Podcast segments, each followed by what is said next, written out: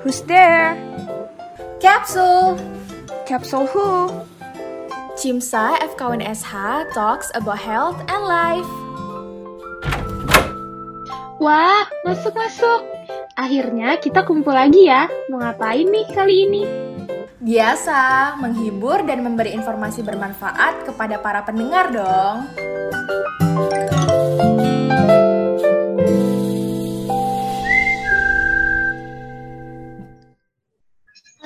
Selamat pagi Cimsa. Kembali lagi bersama Kapsul Cimsa FKWNSH Talks About Health and Life. Mungkin para pendengar setia dari Kapsul ini belum familiar nih sama suara uh, yang bawain podcastnya. Kalau gitu izinin aku untuk memperkenalkan diri terlebih dahulu. Halo semua, kenalin aku Zakia sebagai member Skorup Cimsa FKWNSH Angkatan 2020.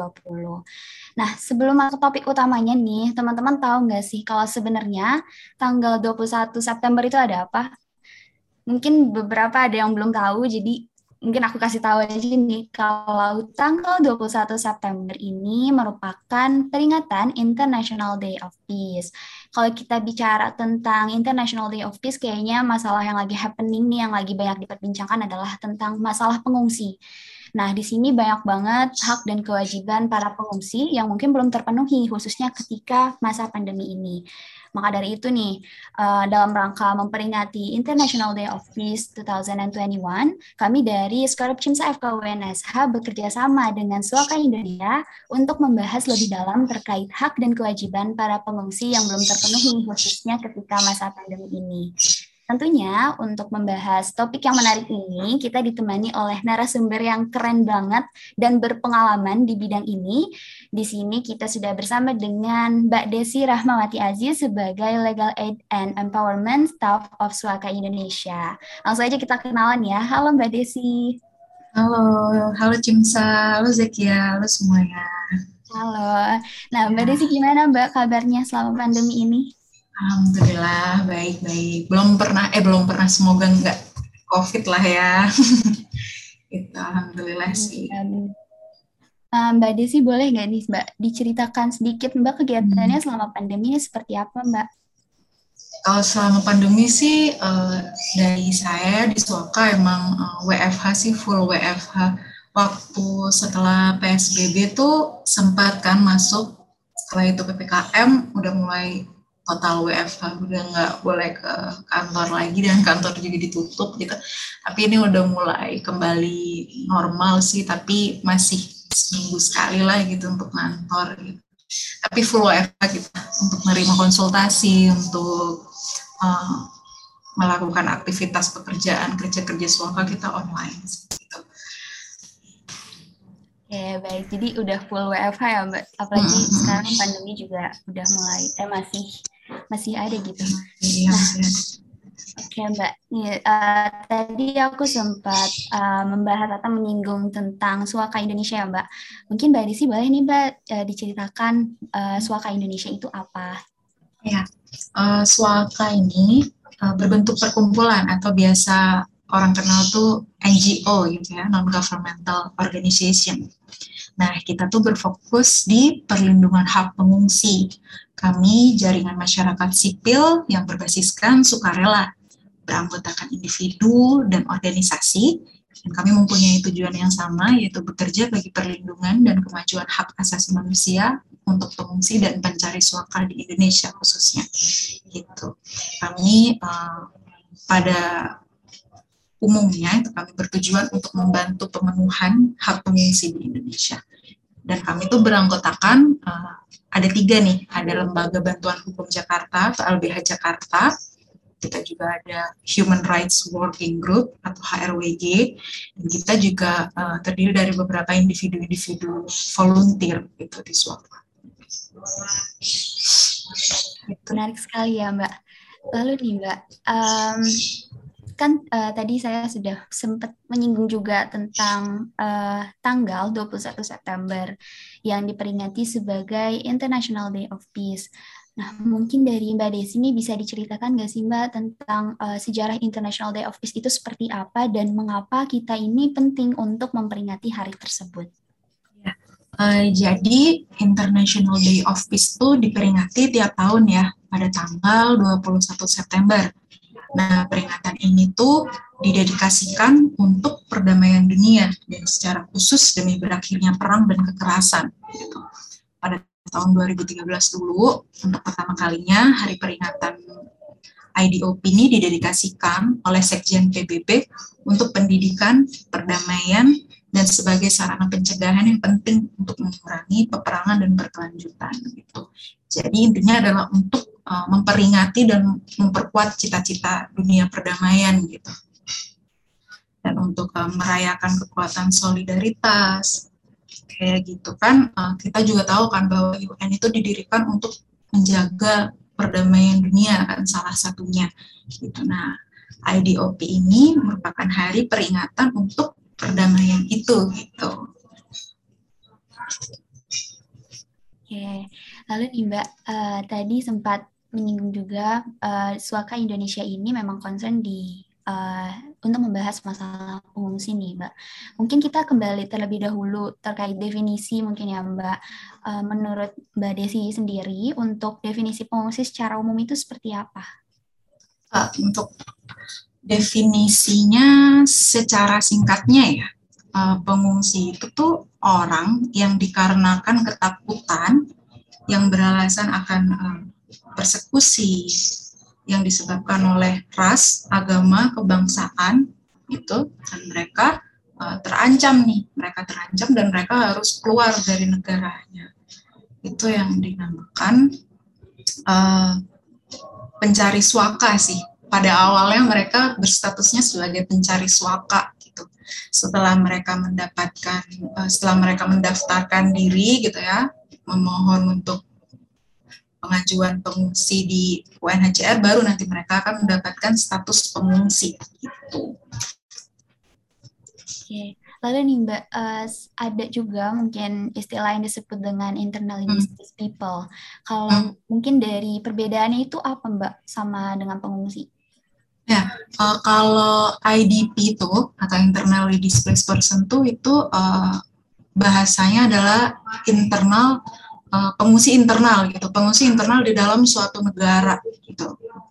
Beda maknanya ya dengan pengungsi uh, yang dimaksudkan di konteks waka ini ya. Kalau di konteks waka ini biasanya kita sebutnya kalau di Indonesia tuh pengungsi internasional gitu. Nah kalau IDP ini misalnya kayak pengungsi akibat bencana alam tuh kayak Sinabung atau misalkan ada gempa yang waktu itu di Palu nah mereka misalkan uh, mengungsi itu mereka disebutnya IDP gitu. Bisa juga karena konflik yang hampir sama seperti konflik yang dialami oleh uh, pengungsi internasional ya, yang ras, agama, kebangsaan seperti misalnya kayak uh, kasus pengungsi Syiah tuh di Sampang sama konflik yang pernah ada di Poso dulu itu uh, kalau mereka mengungsi dari tempat tinggal mereka tapi tidak keluar dari negaranya itu baru namanya IDP gitu. IDP bisa jadi pengungsi, bisa juga IDP jadi pengungsi kalau mereka keluar dari negaranya gitu dan mencari suaka ke UNHCR gitu. Ya baik nih Mbak. Hmm. Lalu uh, untuk pengungsi itu sendiri ya Mbak tadi kan disebutkan bahwa uh, mereka mereka ini uh, keluar dari negaranya. Lalu bicara hmm. tentang hak-hak yang uh, didapatkan oleh pengungsi gitu. Hak-hak dasar apa saja sih Mbak yang bisa didapatkan oleh pengungsi ini? Uh, dalam konteks pengungsi ya, dalam peng konteks pengungsi internasional tuh seenggaknya ada lima hak dasar pengungsi. Itu yang pertama nih, hak atas perlindungan dari kembali ke negara asal secara paksa atau namanya tuh asas non-revolvement. Lalu yang kedua hak untuk mencari suaka, yang ketiga itu hak untuk mendapatkan kesetaraan dan non-diskriminasi. Yang keempat itu hak untuk hidup dan keamanan. Dan yang kelima, hak untuk pulang. Nah, aku jelasin dikit aja nih tentang asas non-refoulement ya. Asas non-refoulement itu asas larangan untuk suatu negara menolak atau mengusir pengungsi ke negara asalnya gitu. Jadi pengungsi yang misalkan uh, pengungsi dari Afghanistan, dia melarikan diri ke Indonesia menyelamatkan diri ya karena di situ mungkin diancam oleh Taliban gitu. beberapa banyak sih ada yang mereka naik kapal, yang naik kapal perahu gitu. Setelah dia nyampe ke Indonesia, Indonesia uh, karena Indonesia sebagai bagian dari masyarakat internasional, kita juga terikat nih dengan asas non-refoulement. Kita nggak boleh ngusir Afghanistan, sana balik ke negara kamu, nggak bisa kayak gitu karena ada asas non-refoulement ini gitu. Apalagi kalau misalkan di Afghanistan tuh uh, negaranya masih masih konflik gitu. Dan dia masih berbahaya untuk kembali ke situ masih ada ancaman itu. Sangat nggak boleh banget nih untuk asas non refoulement karena asas non refoulement ini gitu. Kalau yang untuk uh, hak untuk pulang tadi. Kan tadi ada beberapa hak yang udah aku sebutin tuh. Uh, yang penting aja nih ya aku jelasin kan ya tadi asas non refoulement yang ini sekarang hak untuk pulang. Kalau yang hak untuk pulang itu uh, dia namanya assisted voluntary return. Nah jadi untuk pengungsi yang misalkan dia udah merasa dirinya aman untuk kembali ke negaranya mau pulang uh, dia bisa nih ada programnya yang namanya FVR tadi. Uh, secara sukarela pulangnya bagi para pengungsi yang belum mendapatkan kepastian. Kalau misalkan mereka kayak udah merasa uh, hidupku di Indonesia misalkan di negara transit itu udah nggak pasti gitu ya udah mereka udah jenuh menunggu dan mereka udah ngerasa aman untuk kembali ke negaranya maka bisa dia punya hak untuk pulang kembali ke negaranya gitu. Ya ternyata banyak juga ya hak-hak yang bisa didapatkan oleh pengungsi ini. Ya, gitu. termasuk juga hak kesehatan ya pastinya. Iya betul. Uh, lalu nih Mbak, uh, mungkin terkait isu ya yang sekarang mungkin sedang banyak diperbincangkan di dunia tentang pengungsi itu apa Mbak? Kalau yang akhir-akhir ini sih yang paling santer ya, yang paling kencang itu Afghanistan kan yang kemarin itu yang Taliban kembali menguasai uh, pemerintahan Afghanistan kan yang sampai beberapa jutaan bahkan mungkin warga Afghanistan udah lari dari negaranya. Uh, dan tapi untuk di Indonesia untuk yang konflik kemarin tuh menurut UNHCR nggak ada yang lari ke Indonesia karena mereka larinya ke negara-negara terdekat dia gitu seperti Pakistan gitu kan. Kalau secara dunia pengungsi itu ada dari bermacam-macam negara gitu karena ada dari beberapa konflik juga gitu. Bukan cuma dari satu konflik aja kan dunia gitu. Misalkan kayak pengungsi yang di Amerika Selatan tuh. Mereka dari Venezuela mereka mencari suaka dengan berjalan kaki ya untuk uh, membentuk human caravan di Amerika Serikat gitu. Ada juga yang di konflik Timur Tengah tuh kayak Syria, Iran, Irak, Afghanistan ya kan untuk pengungsi Afrika kayak dari Sudan, Libya, Somalia, Ethiopia, pengungsi Asia Selatan kayak Pakistan, Sri Lanka, Bangladesh. Kalau di pengungsi ASEAN tuh ada yang uh, paling kenceng kita dengerin yang Rohingya dari Myanmar itu atau suku Karen di perbatasan Thailand gitu. Mereka kebanyakan itu karena konflik sih. Konfliknya macam-macam ya. Kalau eh, konflik setiap negara-negaranya itu beda-beda juga. Itu mungkin kalau mau cari info lebih detail lagi bisa cari di uh, website UNHCR sih untuk terkait detailnya apa ya dari konflik masing-masing negara itu gitu. Cuman uh, yang sedang berjalan sampai sekarang pun yang masih banyak terjadi masih banyak konflik-konflik yang membuat uh, warga negaranya sendiri itu akhirnya terpaksa untuk mengungsi ke negara lain. Oke, okay. uh, lalu nih Mbak mungkin sekarang kita masuk ke Indonesia ya Mbak. Hmm. Sebenarnya Uh, sepertinya banyak sekali sih uh, mungkin masyarakat Indonesia yang belum terlalu banyak tahu tentang pengungsi ini seperti apa gitu. Lalu uh, bagaimana sih pandangan masyarakat terkait isu pengungsi di Indonesia?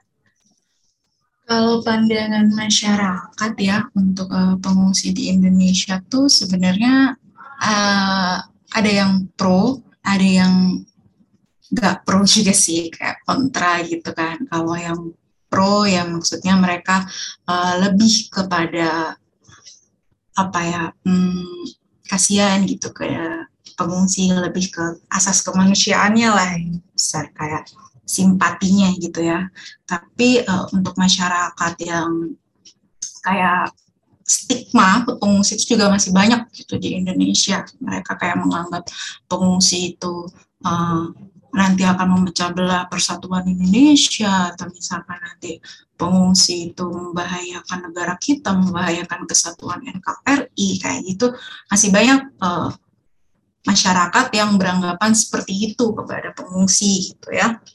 Itu juga sih uh, yang jadi PR suaka, PR kita semua untuk memberi pemahaman gitu ke mereka bahwa uh, adanya pengungsi itu bukan serta merta nanti akan menghancurkan kesatuan Indonesia, NKRI gitu, enggak kayak gitu. Dan beberapa permasalahan pengungsi di Indonesia tuh uh, karena kekosongan hukum ya, yang pertama. Di Indonesia nggak ada hukum yang melindungi pengungsi itu, jadi memang hak pengungsi itu di sini uh, susah untuk diimplementasikan. Walaupun telah diimplementasi cuman untuk diimplementasikan secara keseluruhan seperti kita yang warga negara Indonesia itu susah gitu untuk disamakan gitu ya implementasinya kayak gimana tuh uh, berbeda. Gitu. uh, mereka juga terbatas bantuan bahkan untuk kebutuhan dasar mereka gitu ya atas tempat tinggal mereka nggak punya. Ada sih beberapa uh, pengungsi yang dibantu oleh IOM Oh ya, jadi pengungsi itu ada dua kan. Ada pengungsi yang dibantu oleh eh, IOM, maksudnya secara finansial ya. Dan juga ada pengungsi mandiri. Nah, pengungsi mandiri nih yang mereka harus mencari uang sendiri untuk mereka tinggal, untuk mereka makan kayak gitu. Sedangkan mereka di sini nggak punya uh, hak untuk bekerja. Gitu. Duit dari mana? hak untuk bekerja nggak ada. Nah, mereka juga harus hidup, menghidupi dirinya, keluarganya, anak-anaknya gitu juga uh, masalah terbesar pengungsi lamanya masa tunggu untuk proses penempatan ke negara ketiga tuh. Karena memang uh, seperti contohnya Australia aja. Australia tuh uh, mulai dari tahun berapa ya 2018 atau 2017 itu saya lupa uh, dia udah mulai mengurangi kuota nih juga. Nah itu juga jadinya uh, pengungsi makin lama kan menunggu untuk menunggu giliran dia ditempatin di negara ketiga dan adanya apa ya juga uh, stigma sih stigma dari masyarakat ke pengungsi kita gitu bahwa ya itu tadi kan merusak kebutuhan negara kayak gitu itu sih yang paling besar ya permasalahan pengungsi di Indonesia gitu. Oh iya untuk ini juga sih implementasi hak-hak anak dan perempuan pastinya yang uh, sangat susah untuk diimplementasikan bagi mereka gitu. Iya. Uh, lalu hmm. Mbak tadi kan mungkin uh, sudah bahas juga tentang hak mereka untuk uh, bekerja saja sudah sulit ya. Hmm. Lalu hmm. kalau tentang uh, pemenuhan hak kesehatan nih Mbak bagi para pengungsi di Indonesia, hmm. uh, khususnya ketika masa pandemi itu bagaimana Mbak? Hmm. Ya sih, uh, mereka kan hidup di sini aja udah nggak udah nggak nggak punya uang ya, ya mereka hidup di sini secara mandiri hak untuk bekerja mereka nggak punya, mereka nggak bisa bekerja, nah mereka juga punya tanggungan untuk uh, membiayai dirinya sendiri dan keluarganya gitu ya. Untuk kesehatan, ya itu juga yang jadi kendala mereka gitu. Mereka uh, sulit untuk mendapatkan uh, fasilitas kesehatan gitu ya, walaupun ada, ada ya implementasinya tuh ada, mereka bisa mendapatkan cuman sulit gitu. Sulitnya di mana? Sulitnya uh, sebagian besar sih karena terkendala di bahasa. Pengungsi tuh uh, nggak semuanya bisa bahasa Inggris. Dan rakyat dan faskes apa nakes juga beberapa juga uh, kesulitan mungkin ya untuk berbahasa Inggris. Dan kadang juga uh, berkomunikasi dengan pengungsi itu rada susah gitu. Karena mungkin ya terkendala dari bahasa itu atau uh, dari bahasa tubuh yang susah dimengerti begitu ya. Itu sih untuk uh, ini ya kendalanya. Pengungsi juga nggak punya apa ya uh, kemudahan dalam pencegahan itu juga. Kayak dari finansial mereka. Donasi juga nggak punya akses untuk beli. Keterbatasan tempat tinggal juga nih jadi uh, kendala mereka. Mereka juga uh, ada diskriminasi juga ya stigma juga yang dihadapi oleh mereka itu dan mereka ya itu sih banyak ketakutan-ketakutan juga yang uh, dihadapi oleh mereka gitu selama masa pandemi ini juga. Itu sih. Baik mbak. Berarti tadi uh, mungkin dari kendala bahasa kemudian juga berarti hmm.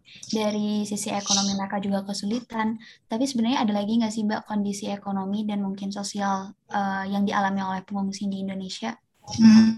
di masa pandemi gitu ya mbak? Hmm. iya.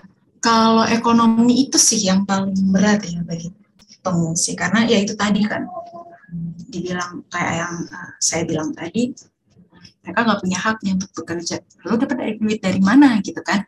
Mereka yang mengandalkan belas kasihan gitu mengandalkan belas kasihan dari masyarakat sekitarnya dan juga um, belas bukan belas kasihan sih kalau dari IOM ya nah, untuk mendapatkan bantuan dari IOM, dari UNHCR atau dari NGO-NGO seperti JRS itu atau CR, CRS CWS kayak gitu.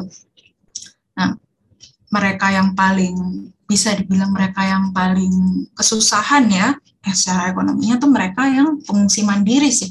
Karena mereka hidupnya tuh ya itu tadi bergantung pada belas kasihan orang gitu.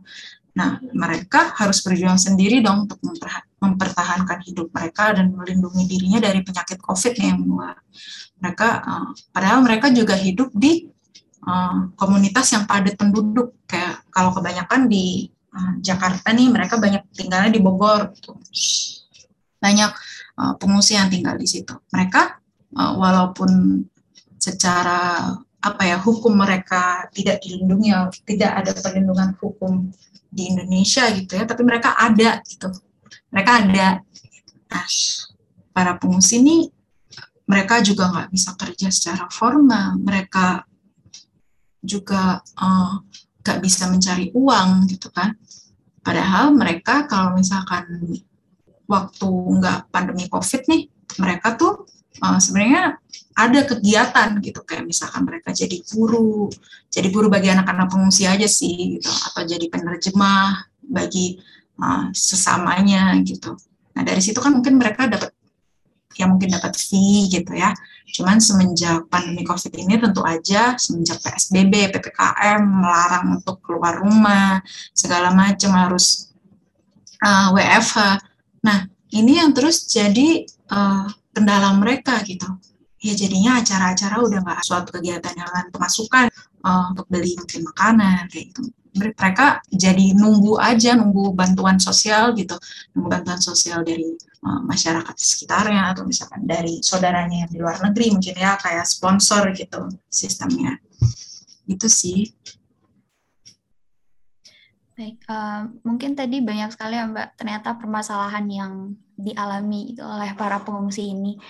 Uh, lalu Mbak, untuk sampai saat ini mungkin ya, hmm. upaya apa sih yang sudah dilakukan atau mungkin akan dilakukan uh, oleh pemerintah atau mungkin oleh NGO terkait untuk pemenuhan hak uh, dari pengungsi ini? Iya, iya. Sebenarnya kalau pemerintah tuh uh, udah mengeluarkan perpres ya, perpres nomor 125 tahun 2016. Tapi itu bukan eh perpres berapa ya? Aku lupa. perpres 125 tahun 2015. Nah, itu uh, si Perpres ini tuh tidak uh, memuat tentang hak-hak pengungsi gitu. Mereka hanya tentang prosedural aja lah tentang praktiknya kayak gimana cara menangani pengungsi di Indonesia. Tapi nggak ada memuat tentang hak-haknya kayak gimana nih selama tinggal di Indonesia gitu. Nah itu sih yang jadi PR juga ya bagi pemerintah Indonesia bahwa mereka ada loh walau walaupun pemerintah ini kayak istilahnya menolak gitu ya. Maksudnya menolak kayak denial gitu sama keberadaan mereka tapi mereka ada gitu loh mereka ada mereka eksis di sini dan mereka belum tahu nih kapan akan uh, ditempatkan di negara ketiga gitu. Sedangkan Indonesia juga terikat dengan asas non refoulement kan, dia nggak bisa uh, memaksa mereka untuk pulang gitu. Lalu gimana? Mereka terombang-ambing lah, living in limbo nama istilahnya. Mereka living in limbo, mereka bingung, mereka bahkan banyak uh, juga dari mereka yang mohon maaf ya mereka akhirnya memilih untuk bunuh diri kayak gitu. Nah itu juga sih yang jadi uh, PR pemerintah dan semua ya seluruh lapisan masyarakat Indonesia bahwa ya pengungsi itu juga manusia gitu. At least dia uh, juga sama-sama seperti kita manusia nah, kita juga harus membantu mereka juga gitu dalam mungkin uh, sesimpel finansial gitu nah selama ini uh, selama pandemi covid ya pemerintah uh, alhamdulillah pemerintah juga pemerintah ada ada lah bantu gitu ya. Walaupun uh, untuk implementasinya semerata apa ke pengungsi juga saya kurang ngerti ya. Tapi ada uh, pemerintah membantu seperti apa untuk masker kayak gitu tuh dengan bekerja sama dengan pemerintah daerah dan UNHCR atau IOM gitu. Mereka sih kebanyakan uh, dengan bantuan IOM dan UNHCR si pemerintah daerah atau pemerintah pusat kali ya itu nah untuk jaringan masyarakat sendiri seperti misalkan eh, NGO gitu ya, Swaka. Nah, Swaka kemarin tuh waktu bersama dengan JRS kita menyusun information kit nih dalam berbagai bahasa. Jadi kan uh, pengungsi di Indonesia tuh nggak cuma dari Afghanistan doang kan, ada juga dari Somalia, ada juga dari mana Pakistan, macam-macam. Nah, kita membuat information kit khusus tentang COVID dalam berbagai bahasa. Kemarin kita bekerja sama dengan JRS gitu kan. Nah, kita juga ada refugee consultation ber, yang berkala uh, mengadakan uh, ada pelatihan maka tuh aktif kan uh, akan menjadi para ada refugee legal webinar series gitu untuk webinar-webinar gitu. Dan juga kemarin uh, alhamdulillah ya ada kabar baik juga uh, untuk pengungsi beberapa di Bogor kalau nggak salah itu dia udah uh, vaksin vaksinnya diselenggarakan oleh UNHCR yang bekerja sama dengan IOM dan JRS gitu. Itu sih. Alhamdulillah ternyata sudah banyak ya Mbak hmm. uh, upaya yang sudah dilakukan gitu. Iya. Hmm.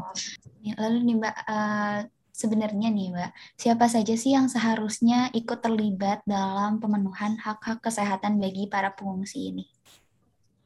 Sebenarnya kalau yang bertang kalau bicara tentang tanggung jawab ya sebenarnya uh, kita semua sih kita semua bertanggung jawab ya untuk sesama manusia. Kita juga uh, harus sama-sama saling membantu gitu ya. Kalau uh, bisa dibilang pengungsi ini kan juga uh, sesama human gitu ya, human being gitu pengungsi juga at least kita bantu gitu untuk uh, pemenuhan hak-haknya hak-hak kesehatannya kayak gimana misalkan ada pengungsi yang dia uh, gak punya masker atau dia kehabisan masker maskernya udah bolong-bolong atau gimana ya kita beri kayak gitu untuk tanggung jawab siapa saya tanggung jawab kita tanggung jawab pemerintah juga tanggung jawab seluruh lapisan masyarakat sih untuk uh, saling membantu sesama gitu ya, sesama human being gitu.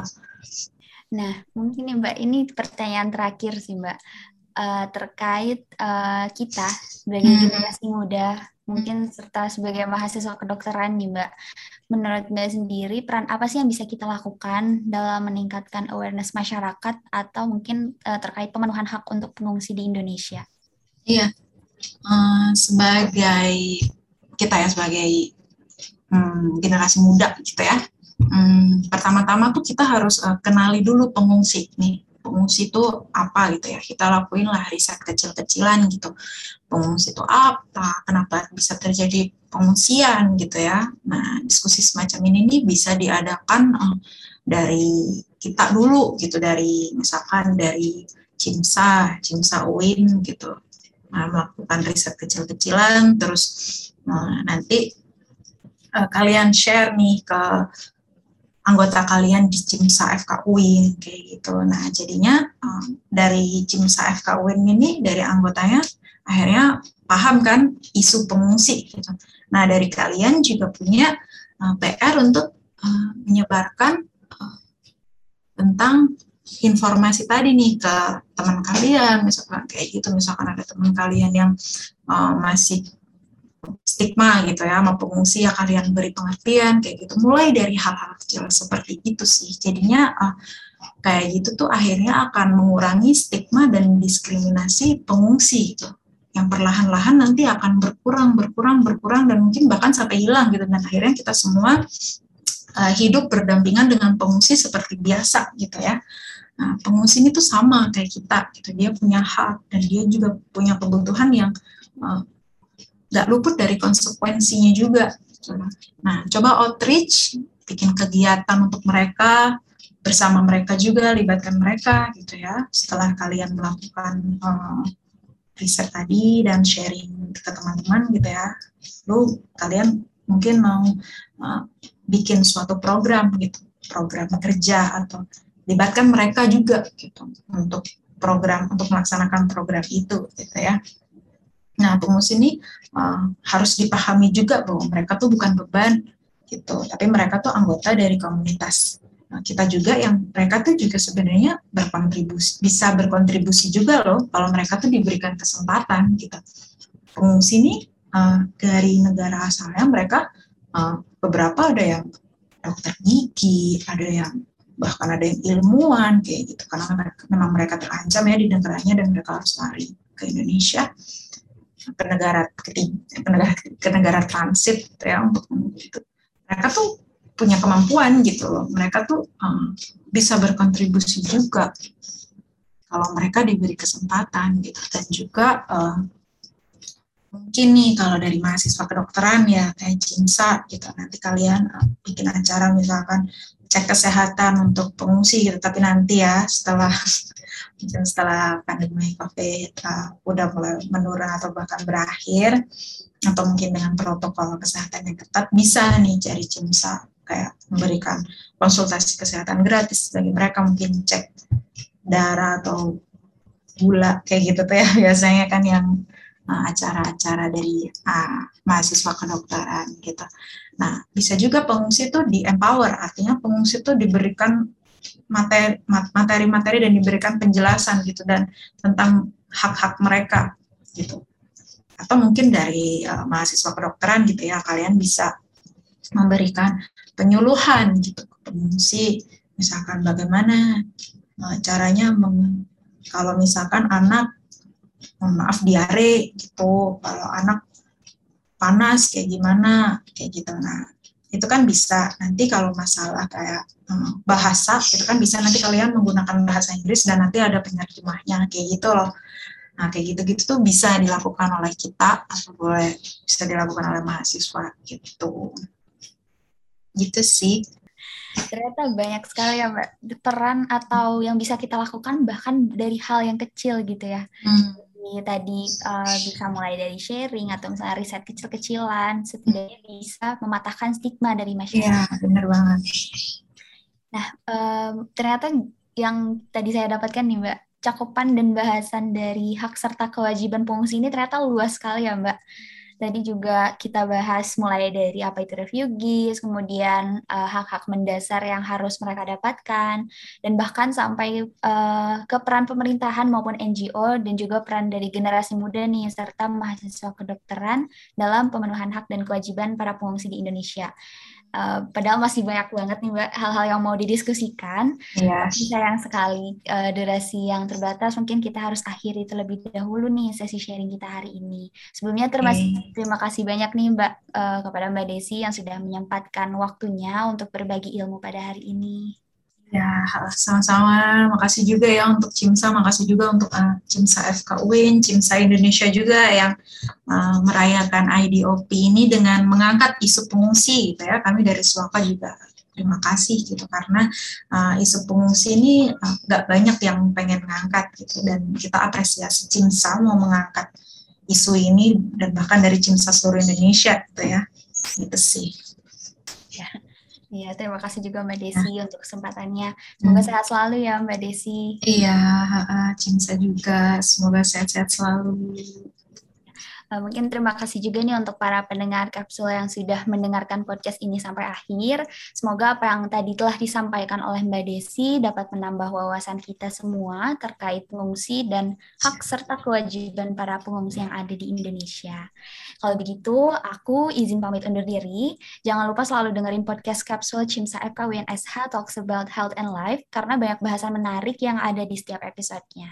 Sampai bertemu di podcast berikutnya. Selamat pagi Cimsa!